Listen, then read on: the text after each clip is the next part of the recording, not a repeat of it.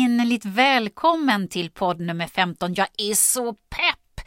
Eh, det är nämligen så att jag har ju suttit här i 14 avsnitt och pratat själv, men idag ska jag ha min allra första gäst.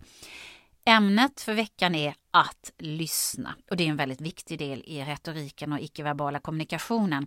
Vi ägnar faktiskt ett helt kapitel åt det i min och undercoverpolisen Lukas Bruns bok Kroppen ljuger aldrig. Och det har ju skrivits en del, inte så mycket, men en del om konsten att lyssna och redan för över 2000 år sedan så skrev en av romarrikets berömda författare och filosofer Plutarkos om lyssnarens roll i kommunikationen. Hans skrift hette Konsten att lyssna, 2000 år gammal bok. Nu finns det en pinfärsk bok och den är skriven av ingen mindre än Annika Teleus. Jag hade förmånen att träffa henne för ett år sedan. Jag kunde ringa upp henne och tala om hennes nya bok och ta del av hennes klokskap. Jag ber om ursäkt för att kvaliteten, ljudkvaliteten inte är så bra, men kvaliteten på Annika är desto bättre. Hoppas att ni tycker att det här känns lika bra och innehållsrikt och matnyttigt som jag. Så håll till godo, här kommer intervjun med Annika Teleus. Så pepp att ha dig med. Du är min allra första gäst i podden och vi träffades, det är ju faktiskt precis ett år sedan nu, i maj 2019 i en skrivarkurs i Spanien.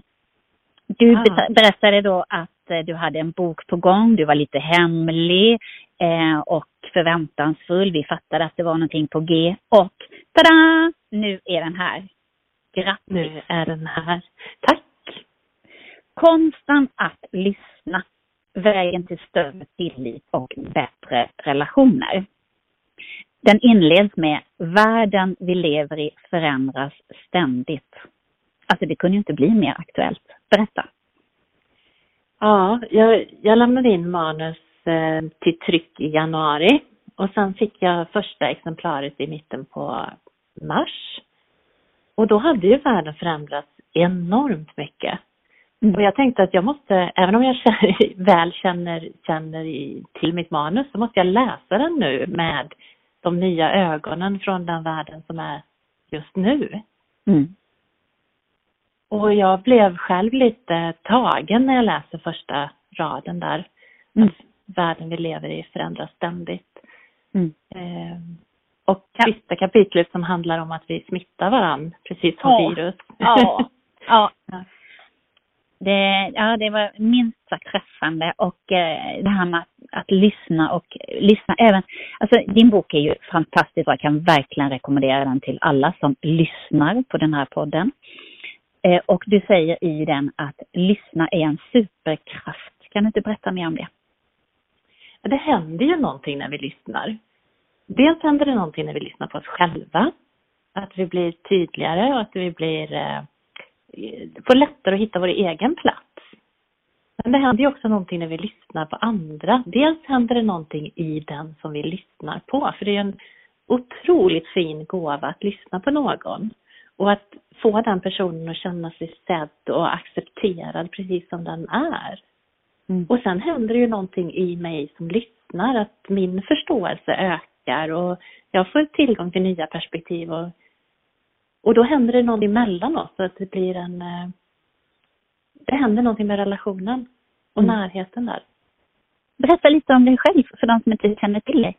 Du kommer från för, för eh, bakgrund och hur det kom sig att du skrev boken. Ja.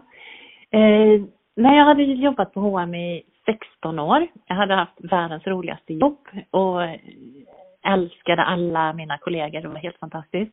Och jag hade rest mycket. Jag hade jobbat med att eh, lyssna på kunder och medarbetare runt om i världen. Och så kände jag plötsligt att ja, men hur ser världen ut utanför H&M? Det är kanske är dags för mig att utforska det och jag kanske behöver en ny utmaning och vad är det jag vill jobba med framöver? Och då tog jag chansen att lyssna på mig själv. Vad, vad går jag igång på? Och jag känner att ja, men, relationer, människor och utveckling, både grupper och individuellt, är någonting som ligger mig otroligt varmt om hjärtat. Och så då gjorde jag, jag skrev ner olika saker jag hade gjort i livet och la ut dem på golvet. För jag tänkte att jag måste försöka se den röda tråden i vad jag har gjort. Mm. Och eh, jag ser plötsligt att ja men det är ju, det handlar ju om att lyssna. Mm. Det är ju det jag har gjort i hela mitt liv. Mm. Och det blev jättespännande. Och också att vilken kraft det finns i det här. Och när jag började titta på vad, vad är det som är skrivet om att lyssna, så handlar det mest om eh, att lyssna som pedagog eller att lyssna som terapeut. Mm. Och inte det här som vi lyssnar på varandra hela tiden. Pratar, det finns hur mycket som helst om hur vi ska sända och hur vi ska nå ut och hur vi ska presentera saker. Men hur vi ska ta till oss och hur, hur mycket Mm. det påverkar våra relationer. Det, det Nå fanns in. väldigt lite. Mm. Ja, precis. Nej, det, det, ja, boken, och framförallt tycker jag att du har skrivit så tydligt om att lyssna på sig själv och eh, det här tipset att man ska sk- sända sms till sig själv. Kan du inte berätta lite om det? Ja. Ehm, ja, men vi tänker ju många gånger på olika saker och vi blir inte riktigt medvetna om att vi kanske dömer eller att vi tolkar. Och då tänker jag att man ska skicka som ett litet sms när, oj nu dömer jag igen. Eh, för att stoppa, för att medvetandegöra, eh, jag fel tror jag, Och släppa. och släppa.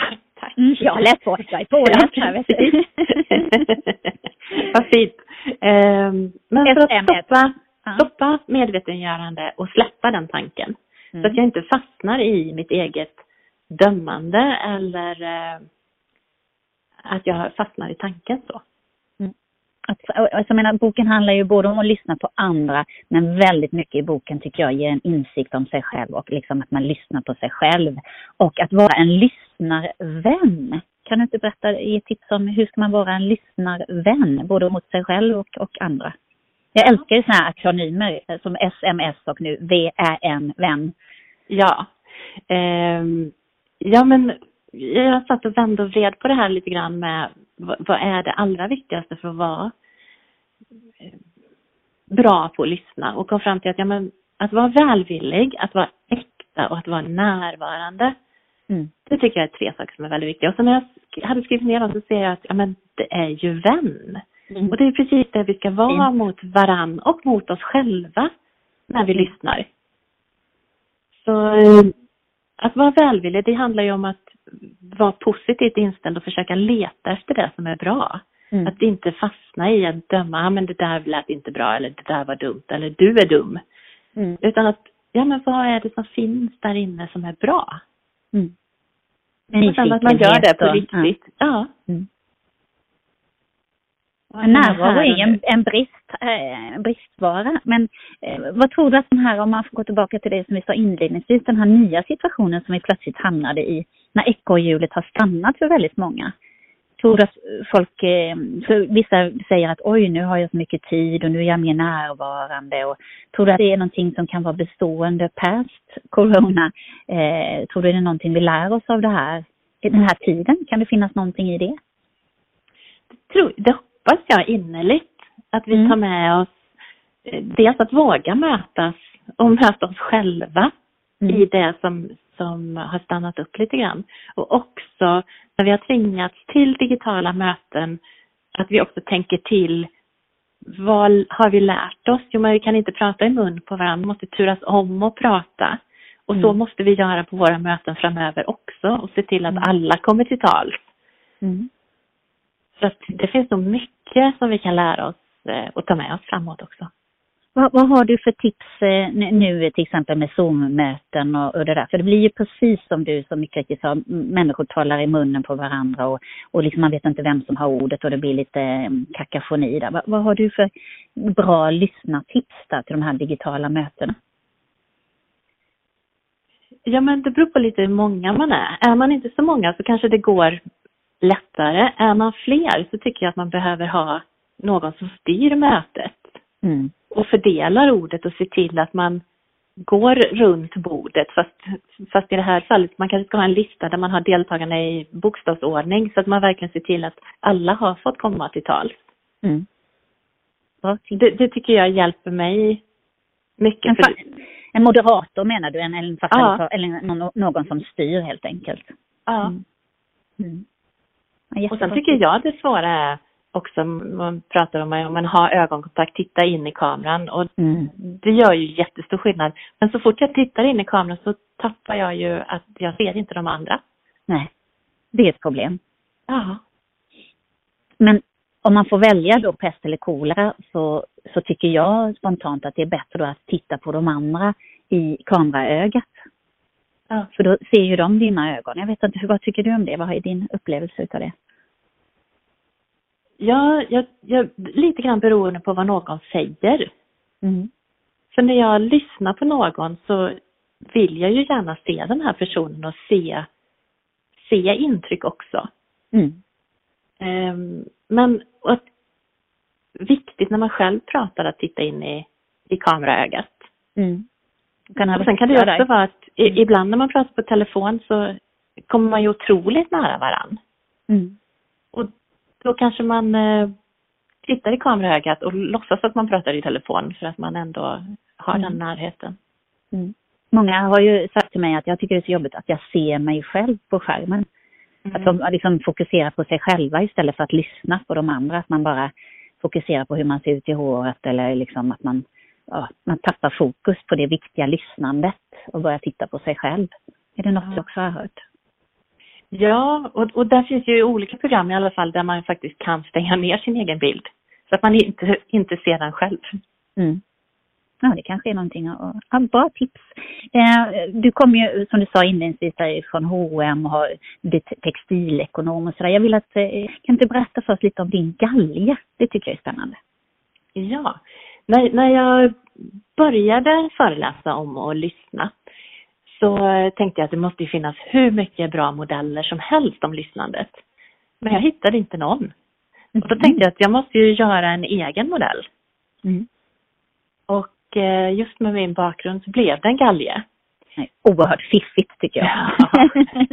eh, och och då, då tänker jag att de här två sidorna där man hänger sitt eh, klädesplagg, de står för att den ena sidan om att jag lyssnar på dig, men den andra sidan står för att du lyssnar på mig.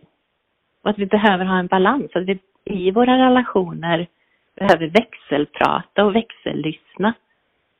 Eh, periodvis, självklart, om du har råkat ut för något så, så kanske du har ett mycket större behov av att bli lyssnad på i en period. Och det ska vi ju självklart finnas där för varandra. Men eh, när, när en relation blir ensidig och det bara är den ena som lyssnar och den andra som pratar så kanske det, man behöver se över den relationen. Mm. Och det här staget längst ner på galgen där man kan hänga, hänga sina byxor. För mig handlar det om att vi måste också lyssna på oss själva. Att det händer någonting när vi lyssnar på oss själva. Om inte jag lyssnar på mig, hur ska jag få andra att tycka att det jag säger är viktigt om jag inte själv tycker det? Mm. Och att hitta då vem jag är, vart jag ska och mitt varför. Det ger en otrolig styrka. Och jag tänker så många gånger jag har hängt mina vinterjackor på en tunn galge som har saknat Mm. det här staget och de bara spricker. Mm. Och hur det ger styrkan till en fysisk galge men att det också ger styrka till både en organisation och en person. Mm. Mm. Och även kroken har du ju beskrivit. Ja, även kroken. Där fick jag hjälp av en vän Mm. som eh, tyckte att ja, men den där kroken Annika, den ska vara med i modellen. Mm. Det kanske handlar om ditt sammanhang. Mm. Om var du har hängt din galge. Mm. Och att vi, vi måste också fundera på, ja, men jag kanske gör allting rätt men jag kanske är på fel plats. har krokat på på fel ställe. Jag tycker den här bilden är jättetydlig och bra och, och eh, lättförståelig. Eh, och överhuvudtaget är boken väldigt lätt att ta till sig och den, den liksom slår an. Ett annat kapitel som jag tänkte på om du kunde bara berätta lite är ju det här med tilliten, för det tycker jag är så viktigt. Du beskriver den som en bro. Hur tänker du där? Ja, jag tänker att eh, det var också när jag satt och ritade en dag när jag skrev tillit med stora bokstäver och ser att ja men det är ju det är ju lika från båda håll i ordet tillit. Mm. Mm. Och så drog jag ett streck över de här T, från T till T. Och då Mm. blev det, då blev det en bro. Mm. Och för mig handlar det väldigt mycket om att när vi har tillit i en relation så blir det som en bro mellan oss. Mm. Och att det verkligen bygger någonting. Och där, där finns ju också sårbarheten, att när vi vågar vara sårbara så har vi så mycket lättare att bygga tillit. Men vi Mm. behöver också ha en viss tillit för att våga vara sårbara. Mm. Och trovärdigheten, du gav ju också tre trygga, toleranta och trovärdiga och, och liksom att man i sin sårbarhet också är sann och i sin egen sanning och sådär. Så att jag, det var ett kapitel som berörde mig väldigt djupt. Vad fint. Mm. Och det är också de här tydliga råden som du ger i boken, eh, vad man kan säga. Jag tänker på det där du skriver, eh, ibland så kanske man bara vill ha någons råd och att man kan kanske verbalisera det. Du skriver att man kan säga, idag vill jag ha dina råd. Men, eh, Mm. och säga, men en annan dag kanske man säger, idag vill jag att du lyssnar utan att avbryta. Medan en annan dag så beskriver att man kan säga, idag vill jag jättegärna att du hjälper mig med att ställa frågor så jag kan komma vidare i mina tankar och du ger exempel med din syster och sådär, att du har henne att bolla med. Så att det är viktigt. Folk är ju inte eh, spåkvinnor. Det eh, ingen kan ju veta vad du behöver utan man vågar också vara tydlig och ha tillit och känna att man, man kan säga vad man behöver. Ja, för, det, det är ju lite lustigt. Vi brukar inte ens prata om att lyssna. Nej. Eller, eller hur vi vill bli lyssnade på. Mm. När jag, när jag ställer den frågan på en utbildning så blir det lite, va?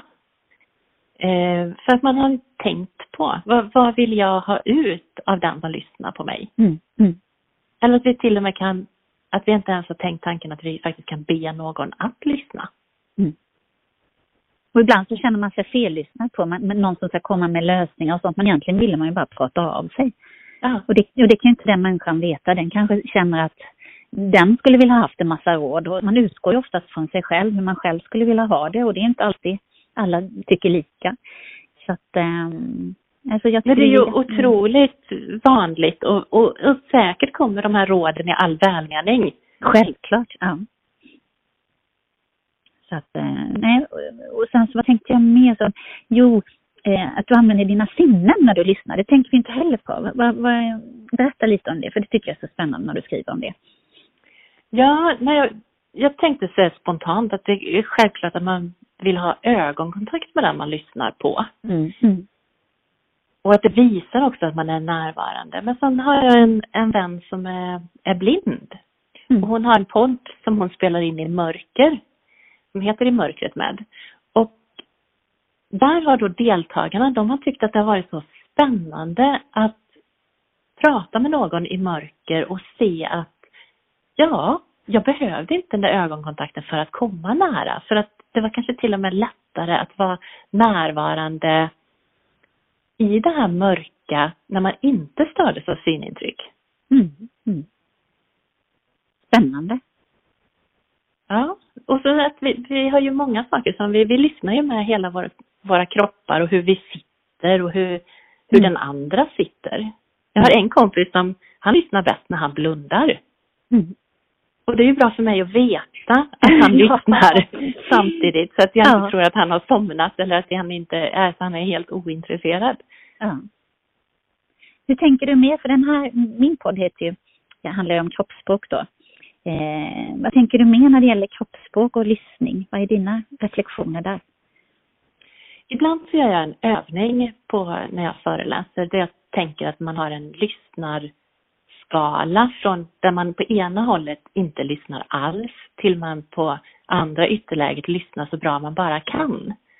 Och ibland så har jag bett folk att sätta sig för att illustrera det här, att först visa hur sitter man när man inte, inte lyssnar. Mm, mm, Och då brukar ju folk börja skruva på sig, det åker fram mobiltelefoner, de lutar sig bakåt, blicken är långt borta och de vänder sig ifrån. mm, Och sen när de ska sätta sig som när man lyssnar riktigt, riktigt bra. Det är inte så att folk undrar hur man gör utan någonstans så har alla det inbyggt i sig. De Mm. flesta brukar sätta sig lite framåtlutat, mm, eh, ha ögonkontakt och liksom, ja, vara lite på gång in i Mm. samtalet. mm, Och just det här att man ofta lutar sig framåt och mot den som pratar. Och det är det som är med, med alltså vi har det ju i oss och det är oftast lika i alla kulturer. Är det, är det någon kulturell skillnad i att lyssna? Har du märkt det? du har ju rest mycket och varit, jobbat med olika kulturer och sådär. Har, har vi någon, har någonting som särskiljer oss? Jag tror att just hur, hur vi har kroppsspråk och sånt kanske skiljer till viss del, men den här känslan av att bli lyssnad på och hur viktigt det är, den är lika på de flesta mm. ställen. Mm. Enligt, de, eller det jag har stött på i alla fall. Mm. Det tror jag också. Avslutningsvis så tycker jag det är så fint du skriver, du mäter din framgång i gåshud. Hur tänkte ja. du där?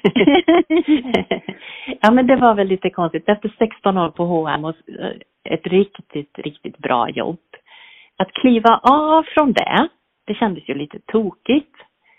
Eh, när jag tänkte rationellt, att kan jag, kan jag säga nej till det här för någonting jag inte vet vad det är? Mm.